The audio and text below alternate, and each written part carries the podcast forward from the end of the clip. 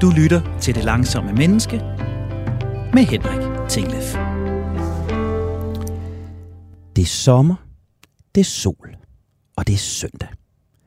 Det er det vidderligt. I hvert fald det der med sommer og søndag. Solen, den øh, kan jeg ikke rigtig garantere, og slet ikke herfra, hvor jeg sidder lige nu. For jeg stod af hamsterhjulet. Jeg har trukket, stikket, slukket skærmen. Jeg holder ferie. Præcis som det langsomme menneske skal gøre. Eller, lige nu holder jeg jo faktisk ikke ferie. Lige nu, der optager jeg udsendelser til dig, kære lytter. For selvom jeg kobler fra, så skal du jo ikke snydes. Du kan sagtens lytte med, selvom du ligger i en strandstol på sydkysten eller vandrer i vild natur. Så inden jeg stod af hamsterhjulet, der hoppede jeg ned i det, i bogstaveligste forstand. Jeg formulerede en række spørgsmål relateret til vores program. Jeg skrev dem på nogle små sædler, og så smed jeg dem ned i et hamsterhjul. Så satte jeg mig godt til rette i min stue, i min store amerikanske lænestol, tændte optageren og koblede op med en god håndfuld af de gæster, du har mødt gennem det sidste år. Fra hamsterhjulet trak jeg en række spørgsmål, og de fik så lov at danne grundlag for en samtale. Ikke med gæsterne som eksperter, nej, med dem som mennesker. Langsomlighedsfan til langsomlighedsfan.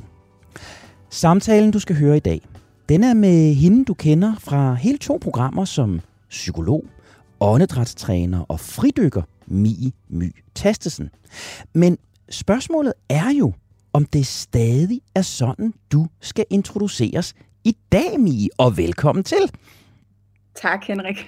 Det er en fornøjelse at være tilbage. Jamen, det er så hyggeligt, og, og jeg sidder her lænet tilbage, og du sidder der med smuk kunst og øh, natur gennem vinduet i, øh, i baggrunden. Men Mie, jeg skal vel ikke introducere dig som psykolog, åndedrætstræner og fridykker længere, eller hvad skal jeg kalde dig? ja, det spørgsmål, det stiller jeg egentlig også mig selv ind imellem. Men men jeg har fået en lidt anden hverdag, siden, øh, siden vi talte sammen sidst, Henrik. Og, øh, og det har jeg, fordi at jeg, jeg er trådt øh, ind i vores familieejet virksomhed som direktør. Du er simpelthen blevet administrerende direktør? Ja, det er jeg. Ja. Og, og, og, og Mi, hvorfor bliver en psykolog og åndedrætstræner, der har øh, stået sammen med mig og lavet mig mærke min mave, gå ind og ud og givet mig øh, nærmeste angstagtige fornemmelser af at være til stede i mig selv. Hvordan bliver sådan en psykolog pludselig hardcore businesswoman og øh, administrerende direktør? Jamen i virkeligheden var det sådan noget, der var på vej i en rumtid. Jeg var bare ikke helt sikker på, at jeg egentlig mærkede, at det lige var det, der var på vej.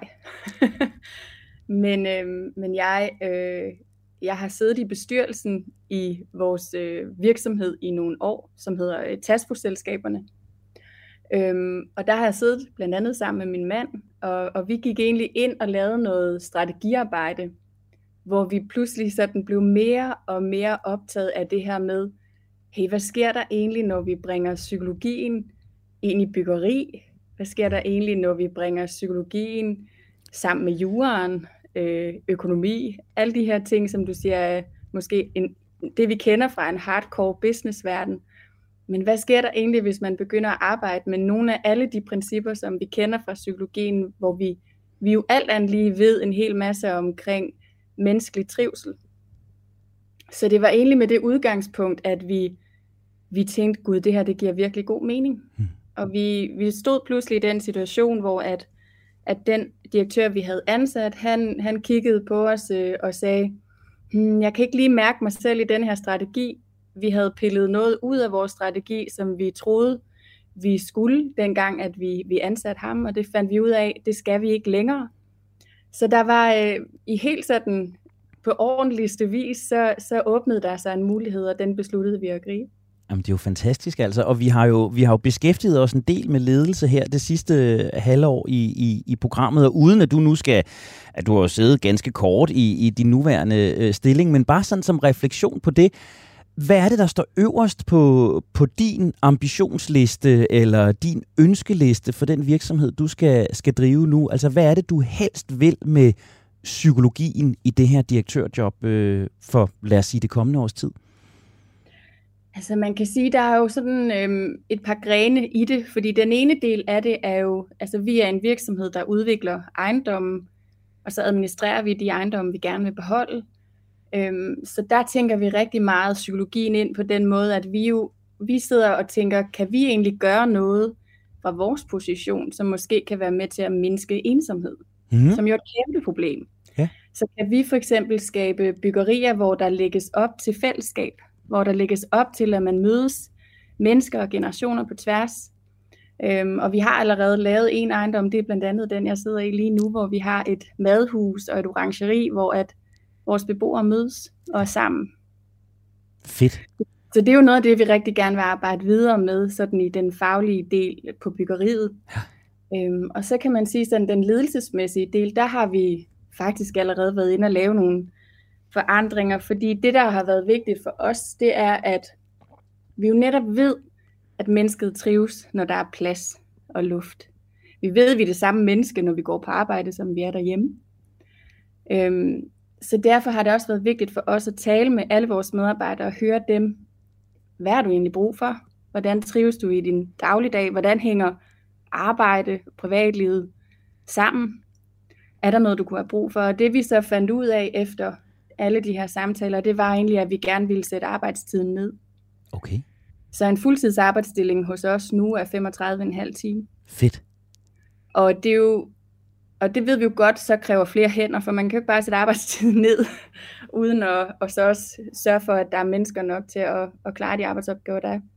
Så vi er lige pt. ved at ansætte nummer 5, siden at vi startede så, så det er jo noget af det, vi er gået sådan all in på, kan man sige. Det er det her med også at skabe en ramme i hverdagen, hvor der er luft og plads til, at, at den enkelte bare lige kan trække vejret lidt mere.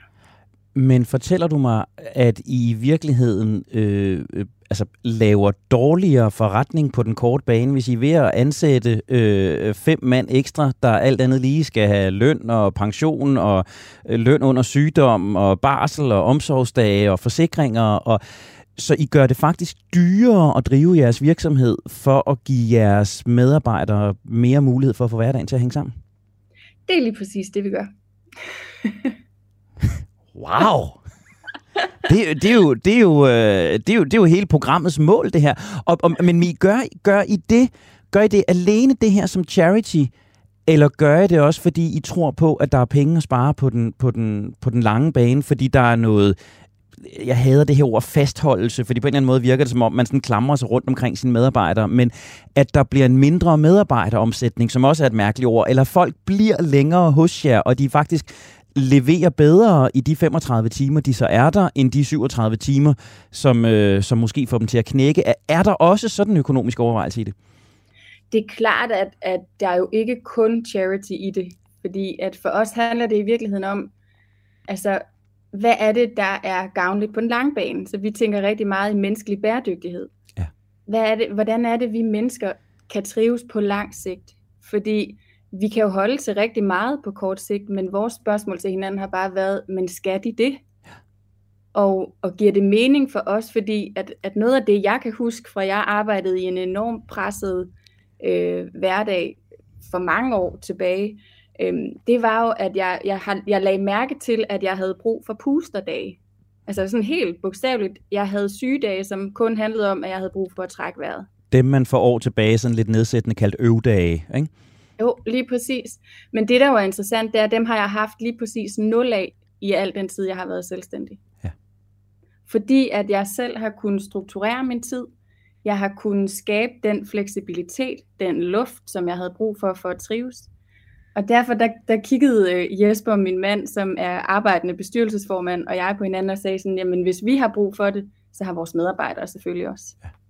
Så der har vi været inde og kigge på, hvordan kan vi så skabe det, fordi vi netop tror på, at, at det skaber færre sygedage. Vi tror på, at vores medarbejdere i det hele taget trives mere og, og bare har det bedre og har mere overskud også til det, som, som skaber mening i livet. Og hvis vi som arbejdsplads kan være med til at, at understøtte det, så tror vi, at det er altså at det kun er bonus på, på alle fronter, også på resultater og også på bundlinjen, når vi kigger på længere sigt. Og det er sjovt, fordi det, det er første gang, og, og nu er det jo ikke, fordi det pludselig skal være et portrætprogram af, af, af jeres virksomhed, men, men, men jeg synes jo, det er interessant, og, og, og når vi bruger de her, sommerarbejds, eller de her sommerprogrammer til sådan at samle op, så tænker jeg, vi har også snakket fire dages arbejdsuge, og vi har snakket hjemmearbejde. Altså, hvorfor de der 35 en, en halv time? Hvordan endte den der? Altså mange lige nu går så på fire dage, eller siger høj grad af fleksibilitet. Er det medarbejdernes ønske? Er det en finger i luften? Er det videnskabeligt dokumenteret? Hvor kom de der 35,5 timer som det magiske tal fra? De kommer ud fra samtaler med medarbejderne. Ja. Så øh, altså det vi har valgt at gøre, det er, at, at vi, har, vi har talt individuelt med alle, da vi startede. Øhm, og ud fra det har vi ligesom været flere forskellige løsningsmuligheder igennem. Øhm, og så er vi landet her, ja. fordi at det har været det, der har givet bedst, bedst mening. Øhm, så det er, og så bruger de dem lidt forskelligt, alt efter også, hvor de er henne i virksomheden. Vi har en driftgruppe, som jo er meget afhængig af at være der på samme tid, fordi de arbejder sammen i teams i løbet af dagen. Så de bruger dem på den måde, at de har hver anden fredag går de hjem kl. 12. Mm. Øhm, og, og dem, der er her i administrationen til daglig, de bruger dem lidt mere, som de har lyst løbende. Ja. Øh, fordi det, der er vi ikke på samme måde afhængige af, at vi er her på samme tid. Nej. Så, så vi har været inde og tilpasse det, hvad kan man sige, til, til den enkelte og, og til de enkelte teams også alt efter, hvordan vi kunne se, at, at det giver mest luft i hverdagen. Fedt. Og jeg, jeg, jeg sidder bare med sådan en tanke, øh, øh, når du siger det her med at bruge psykologien. Altså, på en eller anden måde er det så lidt, ikke? Det, her, det er halvanden time, øh, der, der er sat ned. Og når jeg tænker i praksis, i praksis er det, I måske bare har gjort, er at fjerne folks dårlige samvittighed for de der undskyldende, øh, øh, øh, ikke helt sande tandlægeaftaler, eller forældremøder, eller den tunge morgentrafik, som trak ud? Eller, altså, spørgsmålet er, om folk i virkeligheden ikke har fundet de der halvanden time øh, hist og pist førhen også, men bare har gjort det med dårlig samvittighed og med, med halvkvalte undskyldninger, og nu er det ligesom blevet legalt at lave det der flex der. Er, er, er, er det helt forkert tænkt, eller, eller er det også et billede, du kan genkende? Jamen altså, jeg tror i virkeligheden, at det, at det handler om det der med, at vi, vi ved, alle sammen, både os og medarbejderne, at ja, vi har brug for halvanden time. Så, mm. så, så om de kommer samlet som, som en pusterdag på et tidspunkt, eller hvordan de kommer, så, så er det sådan for os alle sammen. Og så kan det godt være, at nogle af os kan køre i rigtig lang tid uden at have det, men til gengæld kan det så også være, at man lander med et brag, hvis der opstår et eller andet ja. udefrakommende, ikke? Som, som jo nogle gange også vælter os. Fedt. Så, så jeg tror, vi har, vi har valgt at gøre det på den måde, at vi, vi gik ind og sagde, fordi vi havde egentlig en ordning, hvor vi hvor medarbejderne også selv betalte deres frokost, så det betød jo en reel arbejdstid, kan man sige, på 39,5 time. Øh, så, så der har vi sagt, at vi vil gerne have, at de arbejder en halv time mindre om dagen, og så har de så den der halvanden time ud over det. Ja. Så, øhm, Jamen, det er, for, det, er det er forrygende. Og så synes jeg jo, det der er hele, og det er jo det, vi har snakket om så mange gange, det der jo næsten er det vigtigste i det der, og som vi glemmer i den her snak, det er, ja, vi, vi sætter noget arbejdstid ned, men vi henter flere ressourcer ind. Så vi er ikke ude i, at vi bare skal hente det på andre tidspunkter og arbejde mere effektivt og arbejde endnu hurtigere, når vi er der. Vi henter nogle ressourcer ind. Ja. men det, det er, altså jeg kunne godt tænke mig, øh, øh, nu, nu forpligter jeg dig her på, øh, på øh, Open Air, jeg kunne godt tænke mig at vende tilbage til dig, når du har siddet længere i, øh, i dit job og, og høre, hvordan det rent faktisk går. For jeg synes jo, det er interessant det her med at sige både en ting, og, og vi taler hele tiden medarbejdere, men også det her med, hvad kan I rent faktisk som, som, som ejendomsudviklingsselskab gøre med psykologiske briller på de bygninger. Nu har vi lavet to naturprogrammer også, der fortæller noget om, hvad, hvad grøn beplantning gør for vores trivsel omkring bygninger. Jeg kan se et træ ud af vinduet hos dig der, men det kunne jo også være sådan nogle ting, man, man øh, beskæftigede sig med. Nå, Mi, du skal ud af direktørrollen, fordi jeg lovede jo i introen, og, og det er jo hele essensen for programmet her, at... Øh, at vi skal lære nogle af vores gæsteeksperter lidt bedre at kende, eller have nogle lidt mere personlige vinkler. Øhm, så, så tak for indblikket i din, øh, i din nye hverdag, men jeg tænker, at vi, øh, vi, vi går i hamsterhjulet og tager et par spørgsmål, som jo kan stikke i alle retninger. Der er taget lidt fra alle programmer, vi har haft, som, øh, som jeg bare skal høre øh, din, øh, din vinkel på. Så øh, nu, øh, nu kører jeg hamsterhjulet, og jeg trækker en øh, lille seddel op her. Og den, det, det er, jeg har, du, du kan se, at jeg sidder her og hiver sædler ud. Det er fuldstændig øh, tilfældigt, men, men der står her, er du god til at sige nej? Og det tænker jeg jo, i dit nye job må det da i den grad være en, øh, en evne, der skal balanceres. Jeg har jo i den grad øh, udstillet min manglende evne og mine udfordringer med at sige nej. Hvordan står det til hos øh, dig som person, Mi? Er du god til at sige nej? Øh, jeg er utrolig dårlig til at sige nej. og, og det er et, et, øh, jeg vil næsten sige, sådan et evigt arbejdspunkt for mig. Det er at, at mærke efter, er det reelt set et nej. Så, så noget af det, jeg har lært mig selv, det er, hvis jeg, hvis jeg egentlig kan mærke et nej, og jeg synes, det er utrolig svært at få det sagt, så siger jeg, at det skal jeg lige tænke over. Ja. Fordi jeg har opdaget, at det faktisk er noget af det, der kan hjælpe mig til så at vende tilbage med et nej. Ja. Men det er klart, at det bliver jo ekstra udfordret i den her rolle, fordi at der jo er, der er bare langt flere nejer. Ikke? Altså der, der er jo virkelig mange ting i løbet af en, en enkelt dag, som i virkeligheden kalder på et nej. Så, så det er, jeg synes faktisk, at, øh, at det også er lidt sjovt, fordi jeg godt kan se det ironiske i det indimellem, ikke det der med at, at tale så meget omkring at, at få luft og trække vejret, og vi skal ned i tempo, og så komme til at sige ja til alt, alt, alt for meget. Ja. ja, og jeg tænker nemlig på, fordi det var jo også et af Sebastian Nybos råd til mig, det her med at, at, at vinde tid og sige, det vil jeg gerne have lov at vende tilbage på, eller det skal jeg lige tænke mig om, eller måske så et lille frø og sige, det lyder spændende, men, men jeg skal lige se, om jeg kan få det til at hænge sammen, etc. Men jeg har jo også levet, oplevet situationer, hvor jeg synes, den mulighed er ikke til stede. Og det tænker jeg jo som, som, som daglig chef, som daglig leder, vil du jo på en eller anden måde skabe noget utryghed og noget uvidshed, du, hvis du for mange gange i løbet af en dag trækker, den må jeg lige vende tilbage på øh, kortet. Ja. Øh, øh, øh, så, så, så, så hvad er din oplevelse med simpelthen at være nødt til lynhurtigt at træffe beslutningen af det her et ja eller nej? Gør det det nemmere, eller gør det det sværere? Men jeg tror i virkeligheden også, at for mig er det her med nejet meget, øhm, det er lidt forskelligt, fordi jeg har, når det er sådan meget faktuelle ting, så har jeg ret nemt ved at sige ja eller nej. Ja.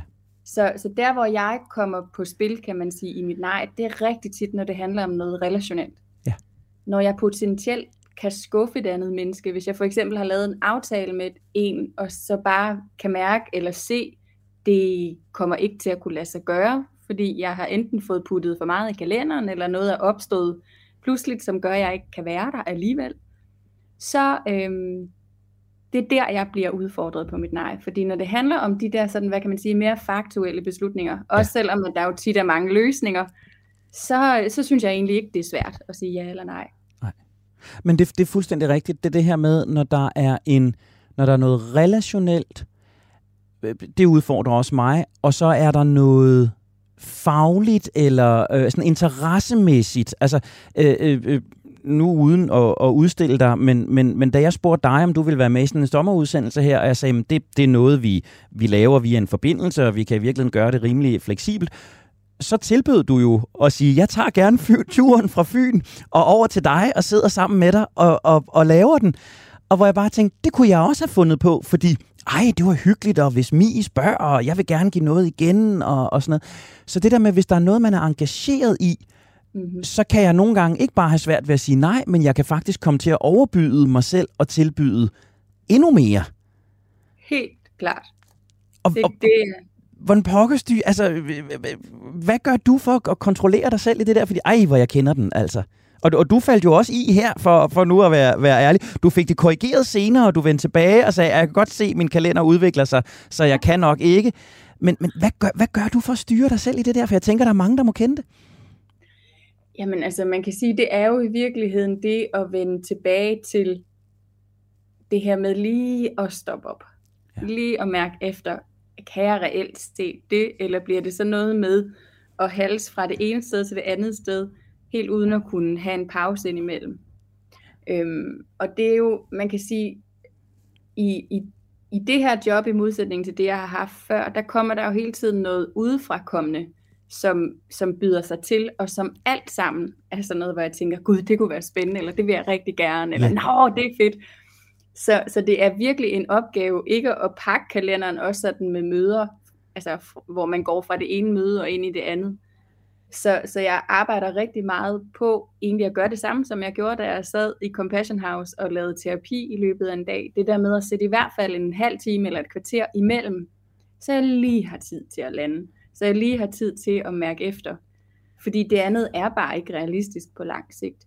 Og kan du det? Altså, fordi det er jo en smad og fin ambition, og det forstår mig ret, det lyder jo rigtig godt. Får du holdt de der kvarterspauser? Er der ikke en telefon, der ringer, eller en kollega, der kommer ind, eller en akut sag, der opstår? Altså, lykkes det at holde de pauser der? Jeg vil sige mere og mere. Øhm, og, og det er også fordi, at jeg, jeg heldigvis øh, kender mig selv og mine øh, faresignaler, kan man sige, rigtig godt. Så jeg ved også, at hvis jeg egentlig gerne vil kunne det, som jeg øh, skal, øh, og som jeg, jeg også holder rigtig meget af at gøre, og hvis jeg gerne vil kunne tænke kreativt, hvis jeg gerne vil kunne udvikle nyt, så er pauserne ikke en luksusting. Nej. Så er det et must. Ja. Og, og, og, og jeg ved godt, nu vender jeg tilbage til den der lederrolle igen, øh, øh, og, og det havde jeg lovet mig selv, at vi ikke skulle gøre for meget, men jeg taler med rigtig mange mennesker i øjeblikket, som, som siger det her med, vi mangler pauser, vi holder for få pauser, vi prøver at holde pauser, men det, men det lykkes ikke. Hvad gør vi? Altså, du må også gøre dig nogle overvejelser på dine medarbejders vegne, hvordan du hjælper dine medarbejdere til rent faktisk at holde øh, flere pauser vi ved alle sammen, det er rigtigt. Vi har rigtig mange af os ambitioner om det. Vi kunne opliste nu alle mulige videnskabelige fakta om, at vi træffer mere rationelle beslutninger, og vi træffer færre beslutninger, vi skal tage om og vi lever længere, og vi er sundere, og vi sover bedre, etc. Hvordan pokker får vi det i praksis til at fungere i hverdagen, Mi? Det må du have gjort dig nogle overvejelser om i, i, som leder nu. Så det man kan sige, det er, at jeg, jeg forsøger at talesætte, hvis jeg for eksempel kan se, at der er nogen, der har sådan lige lovlig travlt, eller der er et eller andet, der lige fylder, så, så, så siger jeg, har du brug for at gå en tur, for eksempel.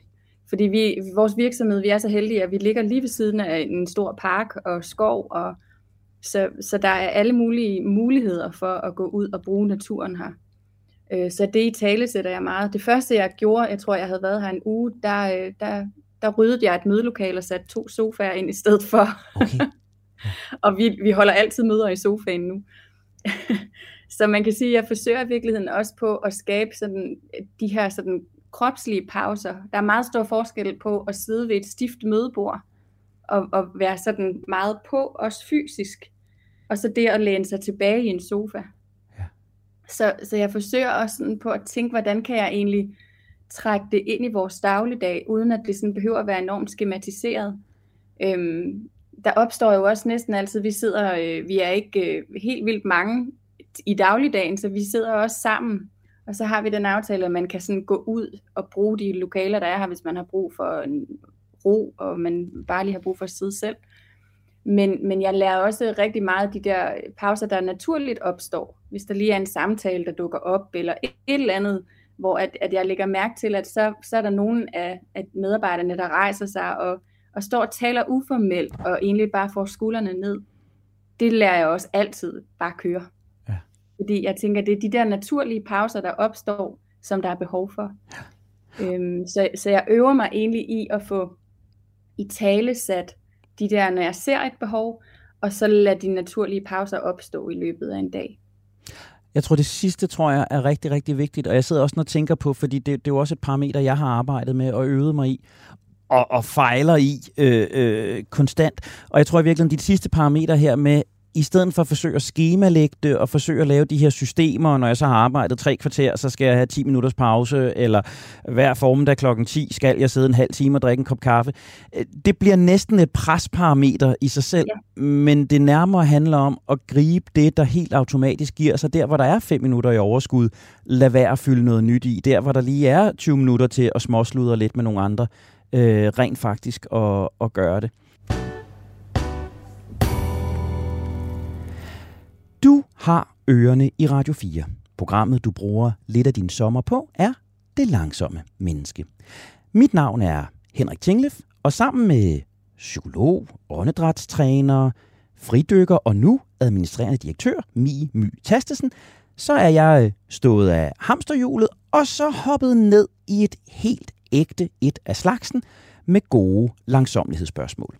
Og øh, Mi, vi skal jo sådan set bare øh, fortsætte, hvor, øh, hvor vi slap, og vi skal i virkeligheden øh, fortsætte ned ad den vej, hvor vi skal høre meget mere om dig. Så jeg drejer på hjulet, og jeg hiver en ny sædel op. Også et, et godt spørgsmål, og et af dem, hvor jeg vidderlig har været, øh, været udfordret selv. Øh, spørgsmålet hedder, hvad har du senest været taknemmelig for, Mie? Altså, øh, der er jo i virkeligheden utrolig mange ting at være taknemmelig for. Ja. Yeah. Så det er jo... Øh, I virkeligheden kan man sige, at noget af det, jeg oplever rigtig meget for tiden, er, at jeg er meget taknemmelig, når jeg træder ind ad døren her på mit arbejde på en, en helt ny måde. Det føles ekstremt meningsfyldt for mig. Øhm, så det er jeg meget taknemmelig for. Og så i morges, øh, der havde jeg sådan en lille stund med min, med min datter, øh, hvor vi havde sådan et af de der kram, der blev forlænget. Ja. Og, og, og jeg mærkede i hele kroppen den der dybe, dybe taknemmelighed for at, at have mine børn. Ja. Altså nogle gange så kan jeg sådan stoppe op og tænke, gud hvor er det vildt. Altså, altså så, så, så der ligger enormt meget taknemmelighed. Og på vej ind af, af døren her i dag, der mødte jeg min meget, meget nære, kære veninde, og, og vi fik givet hinanden et langt, langt, langt kram. Og jeg tænkte bare sådan, gud, hvad? det var dyb taknemmelighed. Tænk at starte dagen sådan. Og lange kram. og det er jo sjovt, fordi at, at nu har jeg jo jeg har jo to udsendelser arbejdet med taknemmelighed, og det er jo sjovt, det første, du nævner her, er jo også relationelt alt sammen. Altså det, det, det er relationelt, det er mennesker. Og, og noget af det, som jeg jo blev udfordret på, det er jo også taknemmeligheden for, at vi to lige nu kan tale over en internetforbindelse, der gør det muligt at sidde to vidt forskellige steder i landet. Øh, være taknemmelig over, at jeg kan tænde for mit varme vand i bruseren om morgenen, når jeg går i bad, at øh, toget kører nogenlunde til tiden, og forsinkelserne ikke er alt for store på grund af sporarbejde. Og jeg, jeg vil virkelig gerne, fordi jeg, jeg, igen, det er jo lidt på samme måde som pauserne, jeg har forstået alle de rationelle argumenter for det, og jeg prøver, men det er virkelig svært for mig. Altså, nu siger jeg det her med internetforbindelsen, fordi det, det, det er sådan en, jeg, jeg tit har tænkt på jeg har ikke spildt den tanke. Altså, jeg går ind, sætter op til, at vi to skal tale sammen. Jeg tager det som det mest naturlige i verden, og jeg var med blevet irriteret, hvis internettet havde drillet. Ikke? Og nu drillede det faktisk lidt med, at vi skulle koble op, og det ikke virkede i din ende. Og sådan Jeg bliver nærmere irriteret over det, når det ikke fungerer, end jeg husker at være taknemmelig for det, når det rent faktisk virker 99,9 procent af tiden. Hvor er du på det parameter, Mi? Altså, hvad med det ikke, den ikke-relationelle taknemmelighed? Husker du det? Kan du det? Eller er, er du lige så udfordret som mig? Jeg er helt klart udfordret, når, når dagene løber afsted, og det går stærkt.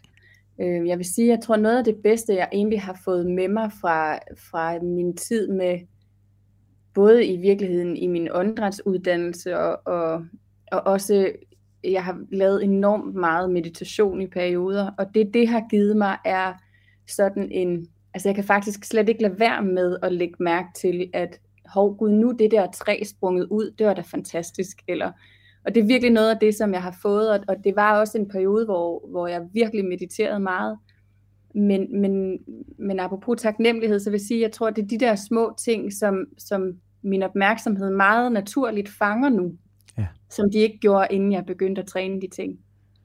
Øhm, så der, der kan jeg godt finde taknemmeligheden for det træ, der står der, eller de der ting, som bare er, som vi hurtigt kan komme til at, at tage for givet. Ikke? Ja. Og det er, det er hastigheden, altså det, det, det opmærksomhed, hastighed, er det, er det der, det, det sker for dig? Er det der, det virker? Helt klart. Ja. Altså, det er jo, man kan sige, et helt sådan, et eksempel er også, at, at da jeg, jeg har løbet i mange år, og, og i starten, der jeg løb, der handlede det meget om, hvor langt jeg kunne løbe, eller hvor hurtigt jeg kunne løbe, eller men nu, der, der stopper jeg sådan noget 20 gange og tager et billede af et eller andet træ, eller en ny vinkel på marken, eller sådan nogle ting. Og, og det, er jo, det er jo for mig egentlig også et udtryk for, at, at den der løbetur, det handler ikke om effektivitet eller det at komme i god form, men det handler egentlig om at være i skoven og være med naturen. Jeg kan huske, jeg læste engang en, øh, en, en, en bog, øh, en forfatter, der var meget øh, populær på det tidspunkt, sådan omkring øh, high performance og fremskridt og effektivitet og nyt arbejdsliv og sådan noget, som jo sjovt nok beskrev præcis det der, bare fra den modsatte vinkel, som beskrev, hvordan hun, når hun så nogen stoppe op på deres løbetur for for eksempel at tage et billede, tænkte, de bliver aldrig til noget, fordi de øh, står bare af, og de ved ikke, hvordan de skal holde ud, og de knokler ikke på. Og jeg kan huske, hvordan jeg fik det helt, altså helt, helt, helt dårligt, da jeg læste. Og jeg sad her, når, når, når vi, vi, vi taler sammen om det, og tænker, det du siger der, er jo i virkeligheden et billede på noget meget bredere end løbeturen. Det er jo, det er jo et billede på livet som helhed, ikke? Altså, øh, det er jo også arbejdsdagen, apropos det, vi talte om øh, tidligere. Tager vi os øjeblikket til at stoppe op? Og ikke nødvendigvis tage et billede af det, men bare betragte træet, eller betragte kollegaen, eller betragte den mad, vi spiser. Øh, skal ugen bare overleves fra mandag til fredag, eller er der de åndehuller, hvor, øh, hvor vi stopper op? Så, så billedet med løbeturen er jo i virkeligheden meget stærkere end, end som så, og det kunne godt være, at det var der, at jeg også kunne opnå at blive lidt mere taknemmelig for, for de der lavpraktiske ting. Altså, for jeg vil virkelig gerne, men mm. åh, jeg synes, det er svært. Altså, jeg synes, det er svært at starte min bil og mærke taknemmeligheden for, at den starter, eller tænde vandhanen og mærke taknemmeligheden. Men, men det er måske, fordi det går lidt for stærkt indimellem. Ja. Men jeg kender det godt, Henrik. Virkelig. Ja, jeg er ikke, bene, jeg er ikke benegal. Overhovedet ikke. Jeg har altså udfordringer på den front også. Nå, om det er godt. Vi, øh, vi, vi, øh, vi spinder hjulet en gang, og... Øh,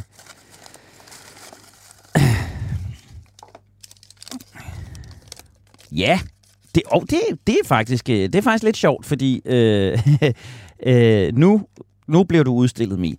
Øh, vi har talt vaner, øh, øh, og, og spørgsmålet her hedder, hvad er din dårligste vane? Uh, jeg har mange. Velkommen i klubben. og, men en af dem er helt klart blandt selv slik. Åh, oh, det, det er ikke en dårlig vane. Det er en god vane. en god vane. Men jeg spiser blandt selv slik. Jeg har lyst til at sige hver dag. Åh, oh, fedt. Det, det giver jeg. du dig selv lov til. Ja, jeg spiser ikke nødvendigvis mega meget af det, men jeg spiser det hver dag. Og hvorfor er det så en dårlig vane? Hvorfor betragter du det som en dårlig vane? Jamen, det er fordi, at jeg måske godt nogle gange kan mærke, at min krop øh, kunne trænge til noget andet end lige noget hvidt sukker. så det er egentlig derfor, fordi jeg har, jeg har faktisk også arbejdet meget på at, at give mig selv netop give mig selv lov til det. Og simpelthen bare sige, ved du hvad, i stedet for at du spiser sådan helt enormt store mængder af det om søndagen, bare fordi det er søndag, det er da skørt. Hvorfor deler du det så ikke bare ud, og så spiser lidt af det hver dag? Ja, jeg har heller aldrig forstået konceptet fredagslæg. Nej. Nej. Nej. Øhm, og, min, og vores børn har jo et samme øh, ramme for det. Der er ikke noget, der hedder fredagslæg hjemme ved os. De spiser slik hver dag. Ja. Eller, og nogle dage glemmer de det, for, men, men de, spiser, de får lov på samme måde bare at spise det hver dag. For jeg tror faktisk på, at det, det giver bedst mening. Jeg kan huske noget af det, noget af det jeg sådan har reflekteret meget over, siden vi talte vaner, det var, var Torben Wiese, som, som lærte mig, at det der med gode og dårlige vaner, altså han så på det på den måde, at en, en god vane er en vane, der bringer dig i den retning, du gerne vil, og en dårlig vane er en vane, der bringer dig væk fra det, du gerne vil. Og jeg tænker i virkeligheden her, altså det er bare for, fordi jeg selv nogle gange har udfordret mig i forhold til, hvad jeg betragter som gode og dårlige vaner, Ja. Og sådan som du beskriver det her forhold til blandt selv slik, så tænker jeg, jamen det, det bringer dig jo i virkeligheden i en retning, du gerne vil. Altså det bringer dig til et lidt, lidt mindre restriktiv øh, omgang øh, med det. Det bringer dig til lidt nydelse i hverdagen. Det bringer dig til en, en, en tænkning omkring dine børn, eller nogle rammer for dine børn, som du egentlig faktisk også godt kan lide. Så altså, i virkeligheden sat lidt på spidsen, så er det vel egentlig ikke en dårlig vane. Det, det, det er noget, vi traditionelt vil se, vil se som en dårlig vane. Men det lyder jo ikke som om, det er en vane, der spænder ben for dig. Nej. Jeg tror faktisk, det måske er både og. Ja. Altså, fordi jeg kan virkelig, jeg, det giver mening for mig fuldstændig, det du siger, at på mange måder er det helt klart blevet noget, som er blevet meget mere roligt. Altså, ja. øh, også i forhold til børnene, ikke? Altså, Ja. Øhm, men, men jeg vil sige, at det, det kan også nogle gange være sådan en lidt fasttømret. Altså jeg kan også mærke, at nogle dage har jeg måske egentlig ikke rigtig lyst til at spise blandt selv, så gør jeg det bare. Ja, ja. Og så er det måske der, hvor den dårlige vane kommer ind, så kunne jeg godt have spist noget andet, jeg måske ja. egentlig havde mere lyst til. Ja. Så der tror jeg, at den stadig er en dårlig vane, men jeg vil sige, hvis jeg, et, altså hvis jeg skal komme med et andet eksempel på en dårlig vane, så er det virkelig også, så er vi nok lidt tilbage til det der med at få sat for mange ting i gang, ja. og få sat for meget i kalenderen. Øhm, det er helt klart noget af det, der kan bringe mig væk fra det, jeg gerne vil. Ja, og det er nemlig, og det er sjovt det der, fordi jeg har haft samme overvejelser, at jeg betragtede i virkeligheden, jeg har sådan haft meget øh, øh, sådan forholdsvis fast morgenritual, som blandt andet har et par involveret faktisk har fået, vi har en spændingscykel derhjemme, jeg har sådan ret konsekvent fik kørt på om morgenen. Det betragtede jeg faktisk som en god vane.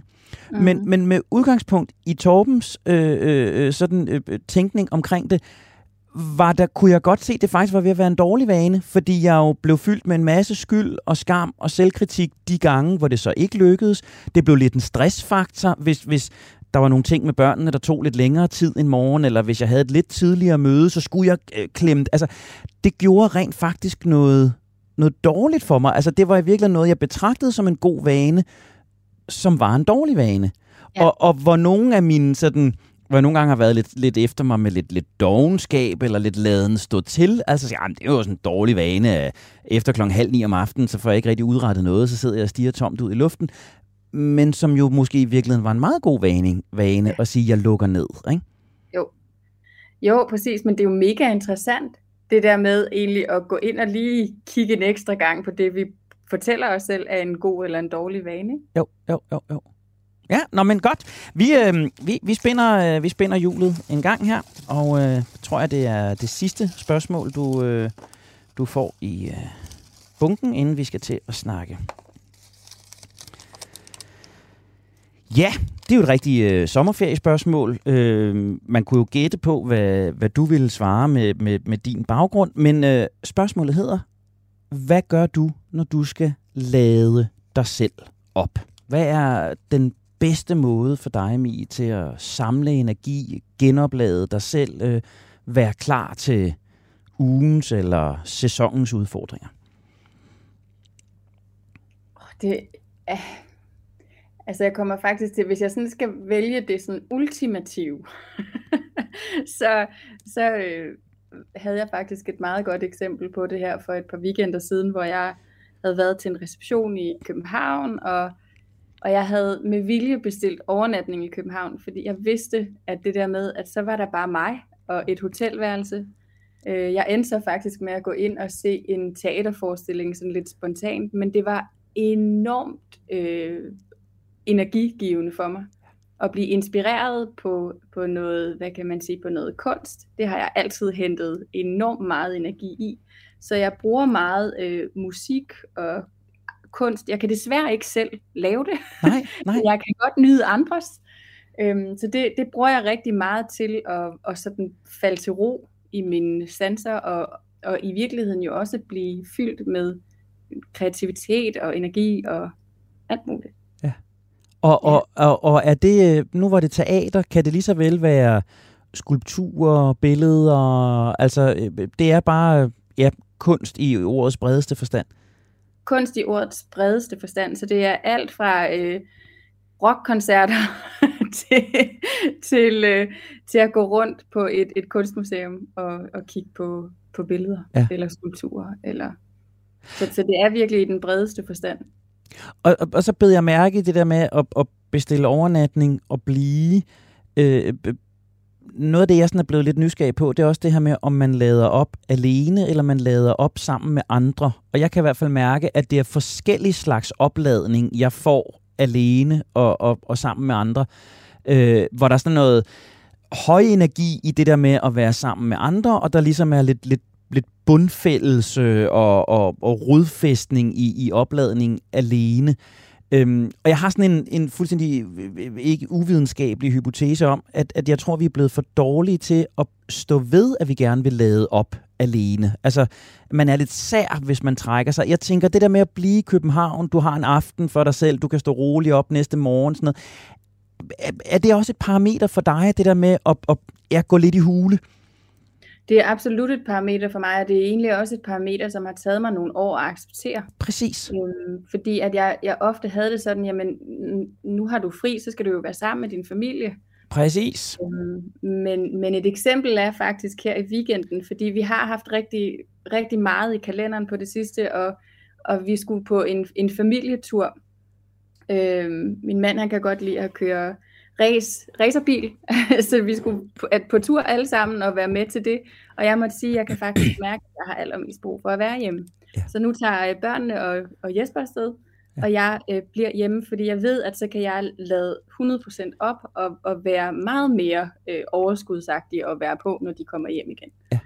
Men det har taget mig lang, lang tid at acceptere, at, at det faktisk er et reelt behov. Og jeg kan jo mærke, at jeg er meget mere nærværende, meget mere til stede, når jeg så har lyttet til det. Og det er vand på min mølle, det der. Og jeg, og jeg tror bare, vi er rigtig mange. Nu sidder vi to her, og, og jeg tror, der er mange lyttere, der sidder og kender den også, den der netop. Jamen den der sådan dårlige samvittighed over, som en del af en familie, som en del af en venneflok, øh, øh, og melde ud og sige, jeg faktisk, jeg har faktisk brug for noget tid alene. Og det er sådan et af mine, mine store sommerferieflag, jeg gerne vil vifte med til, til jer, der lytter med, og sige, jamen selvom man er med familien på Mallorca, eller man har fået den der rejse, man længe har drømt om til Sydamerika, så er det måske i virkeligheden færre nok at sige, nu har jeg brug for en eftermiddag for mig selv, eller nu har jeg brug for en, en aften, hvor jeg går en lang tur og bare kigger på havet helt alene. Og det er ikke, fordi jeg ikke holder min familie, det er ikke, fordi jeg ikke holder mine børn, det er ikke, fordi jeg ikke ønsker at være her. Jeg er faktisk en bedre udgave af mig selv, når jeg kommer tilbage. Lige præcis. Ja.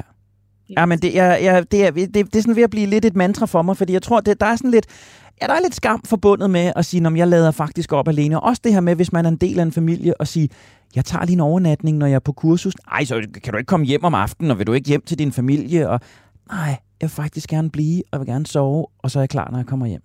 Ja, lige præcis. Ja. Ja, dejligt, Mi. Tak, fordi du er med på den. Det er, det er, det er jeg glad for. Vi, øh, vi har små 10 minutter tilbage af vores, øh, vores snak og programmet her, Mi. Og jeg har jo bedt dig om at, øh, at kigge lidt på vores manifest fra, øh, fra sidste sommer. Vores manifest, hvor vi jo sådan forsøgte at, at opliste nogle leveregler eller guidelines eller sådan one-liners i forhold til, hvad det er, vi som potentielt langsomme mennesker gerne vil, vil fokusere på og prioritere i vores hverdag. Og jeg har jo givet dig den opgave, som jeg har givet alle sommergæster, at sige, hvis du nu skulle vælge et parameter til dig selv, et som du vil anbefale lytterne, og et som du håber, vi som samfund vil, vil slå os sammen om, hvad skulle det så øh, være. Og skal vi ikke bare gøre det traditionelt og starte med dig selv og sige, når du kigger ned over listen, i hvor, øh, hvor finder du så inspiration, eller hvor ser du dit ønske for at, at fokusere, lad os sige, øh, i efteråret efter sommerferien? Jamen, man kan sige, at, at måske er det lidt i tråd med det, vi har talt om i dag. med at sige nej. Man kan jo prime folk lidt i, øh, i en retning, jo. men, men jeg tænker for mig selv, der kunne... Øh, den, der hedder, at målet er at blive din egen bedste læge. Vær opmærksom og nysgerrig på, hvordan du rent faktisk har det, og udvise modet til at handle på det. William Kvists fine, fine formulering. Ja. ja. ja. Hvad, ligger der for, hvad ligger der for dig i, i, i, i det her med at, at blive din egen læge, altså, eller opmærksomheden der? Hvad er det, du tænker, du skal være bedre til, eller du skal fokusere på? Jamen det, jeg gerne vil fokusere på, det er i virkeligheden at have min opmærksomhed på, at, at jeg... Øh, ligesom måske nogle andre, jeg ved ikke, om du kender det, Henrik, men godt kan være lidt hurtig. nej, det, nej, hurtigt, nej det, nej, det kender jeg ikke. Nej, men, men jeg har helt klart tendens til at være hurtig, både i øh, bevægelser og i gang og i alt muligt. Øhm, så, så det der med at have mod til at, at stoppe op ja. og få handlet på det, jeg egentlig mærker, jeg har brug for, er det alt fra, nu skal jeg, har jeg brug for at gå en tur på et kvarter og bare lige få luft, eller jeg har brug for at sove, eller hvad det nu end er, men det der med at, at få lyttet til, hvad det egentlig er, min krop fortæller mig ja. løbende på det, daglig basis. Det er, øh, jeg, jeg, jeg er meget på linje, og det er faktisk noget af det, jeg talte faktisk med en om det forleden dag, noget af det, jeg har lært allermest gennem øh, det her år med, med programmet her, det er, hvor meget min hastighed faktisk fungerer som distraktion og eller smertestiller. Altså, hvordan jeg, når jeg har det lidt skidt eller er lidt stresset, ubevidst bruger hastigheden til kortvarig jeg føler, at jeg har det bedre, fordi jeg får fikset, jeg får ordnet, jeg får klaret, og, og, og i virkeligheden dulme øh, alt fra hovedpine til mavepine til ledsmerter, hvad man nu kan, kan, kan have, simpelthen bare ved at være i gang. Så mærker jeg det ikke, så bemærker jeg det ikke, og så kører jeg bare videre. Men, men, men fuldstændig som vi jo virkelig talte om med dine medarbejdere i starten, det kommer jo bare tilbage som en boomerang med 350 km i timen, og så er det pludselig, at jeg ryger fuldstændig ned, og så har jeg to dage, hvor jeg sidder og kigger ind i væggen, eller øh, sover 12 timer i døgnet, fordi nu er jeg bare fuldstændig færdig. Men at min hastighed er blevet min smertestiller. Mm. Og, og det, er jo, det er jo netop det her med, hvad er det, jeg har brug for? Har jeg brug for at skrue op, eller har jeg brug for at skrue ned? Ja, lige præcis. Fedt, min. men det, vi, vi, vi kan da starte en forening også to, øh, lyder det til. Hvis, øh, hvis du på, og, og, og det vil jo være oplagt at sige, at det er det samme, jeg ønsker for alle andre, men, men, men det her er jo lige så meget en øvelse i at kigge lidt tilbage på, på, på vores manifest. Hvis du skulle vejlede lytterne, gennemsnitsdanskeren, dine medmennesker, ud fra manifestet her og sige, hvad er det, hvad er det I skal være opmærksom på? Hvor er det, I skal henlede jeres, jeres fokus øh, det næste halve års tid? Hvor, øh, hvor er vi så i parametrene her? Der vil jeg faktisk sige, at, at et rigtig, rigtig godt sted, øh, synes jeg, det er det der med at have opmærksomheden i centrum. Ja. Altså den hemmelige ingrediens af opmærksomheden, som, som Camilla Lange ja. har, har sagt. Ikke? Fordi at jeg tror, at det er jo det, der sådan er fundamentet for, at vi overhovedet kan gøre noget anderledes. Det er jo, at vi bruger vores opmærksomhed, og at vi, vi lægger mærke til, apropos både hvordan vi har det, men også hvordan vores omgivelse har det. At vi lægger mærke til den verden, vi bevæger os i. Øh, så opmærksomheden er helt klart øh, der, jeg vil sige, start der. Ja. Jeg har tænkt meget på i, i mange af de her øvelser, øh, jeg har lavet gennem, gennem året, at noget af det, der næsten, altså noget af det, de alle sammen har været, haft til fælles, og som har været tankevækkende for mig, har været det her parameter med, jamen der har jeg pludselig gjort noget, som jeg har gjort fokuseret. Altså at mm. den, den største mm. forskel i virkeligheden på det, jeg har gjort til daglig, og når så du eller Lasse med telefonen, eller Mette med skovøvelserne, eller hvad det nu har været, spiseøvelserne, etc., det har faktisk givet mig et rum til at sige, nu gør jeg det her, mm. og har kun min opmærksomhed på det, hvor jeg jamen jo nærmest i alt andet, hvad jeg laver, selv når jeg sidder her og, og laver radio med dig, forholdsvis afslappet og hyggeligt, så har jeg jo lige en opmærksomhed på et tidsparameter. Vi skal ramme en udsendelse på 51 minutter. Øh, jeg har også lige sådan en opmærksomhed på, når er lyd, som det skal være. Og, altså, det er meget, meget sjældent, at vi laver one thing only. Ja, præcis. Og, og det synes jeg bare er, jeg tænker, sådan var det, kunne hjælpe mig ikke for 200 år siden. Altså der, der, der tror jeg i højere grad, vi var i det, vi var, og vi havde langt mindre split attention, eller hvad pokker det hedder, ikke? Jo, og i virkeligheden så tænker jeg bare, at vi har jo bare så meget brug for det, fordi vi bliver så bombarderet hele tiden. Altså vi kan jo være, fra vi vågner, nærmest også når vi sover, ikke, kan vi blive påvirket af udefrakommende ting. Præcis. Telefon, der ligger ved siden af os og lyser op, og altså vi, vi er nødt til på en eller anden måde i den verden, vi lever i, at, at bruge vores opmærksomhed bevidst. Det, det er i hvert fald noget, jeg selv er meget opmærksom på. Så det kunne være den, vi havde givet til samfundet som helhed med en højere grad af opmærksomhed. Det var den, vi gav til menneskerne i det. Så hvis vi skal løfte den helt op på samfundsniveau, øh, Mi, og sige, øh, vi, vil, vi vil revolutionere øh, øh, landet, vi vil skabe det langsomme land, det langsomme samfund. Hvor er det, vi, øh, vi skal fokusere der? Jamen, jeg tror i virkeligheden, at som samfund, der har vi brug for det her med at være bevidst uambitiøs. Altså, vi har simpelthen brug for, at vi indimellem, og det er Dennis Nørmark, der har sagt det, men at vi simpelthen også giver plads til det uambitiøse, fordi vi, uanset hvor vi kigger hen, så, så handler det hele tiden om, at vi skal nå mere og hurtigere og være bedre og stærkere og alt muligt. Så det der med at læne os tilbage og sige, jamen hey, det er okay at være bevidst uambitiøs. Lige nu skal jeg faktisk bare ingenting. Måske er det i virkeligheden bare godt nok, som det er. Ja, præcis. Og det her program, det vil i den grad godt nok, som det er. Mi, tusind, tusind tak, fordi du vil tage dig tid i din nye travle direktørhverdag til at have en sommersluder med mig. Det var endnu en gang en fornøjelse. Tak fordi jeg måtte komme, Henrik. Og det blev altså øh, sommerhamsterhjulet for denne gang. Der er ikke flere sædler i trumlen, der er ikke flere udfordringer til mig, ej heller flere sætninger fra manifestet. Husk, at du altid kan lytte eller genlytte alle udgaver af Det Langsomme Menneske i Radio 4-appen, og det er også der, du kan genlytte mange andre af Radio 4's gode programmer. Har du input, kommentarer eller interessante vinkler på langsomlighed, som vi skal kigge nærmere på, måske hen over efteråret, så kan du altid skrive til os på langsom radio4.dk. Tusind tak, fordi du har investeret lidt af din sommerferie i os. Jeg hedder Henrik Tinglef, og jeg vil fortsat tage mig rigtig god tid til at blive det langsomme menneske.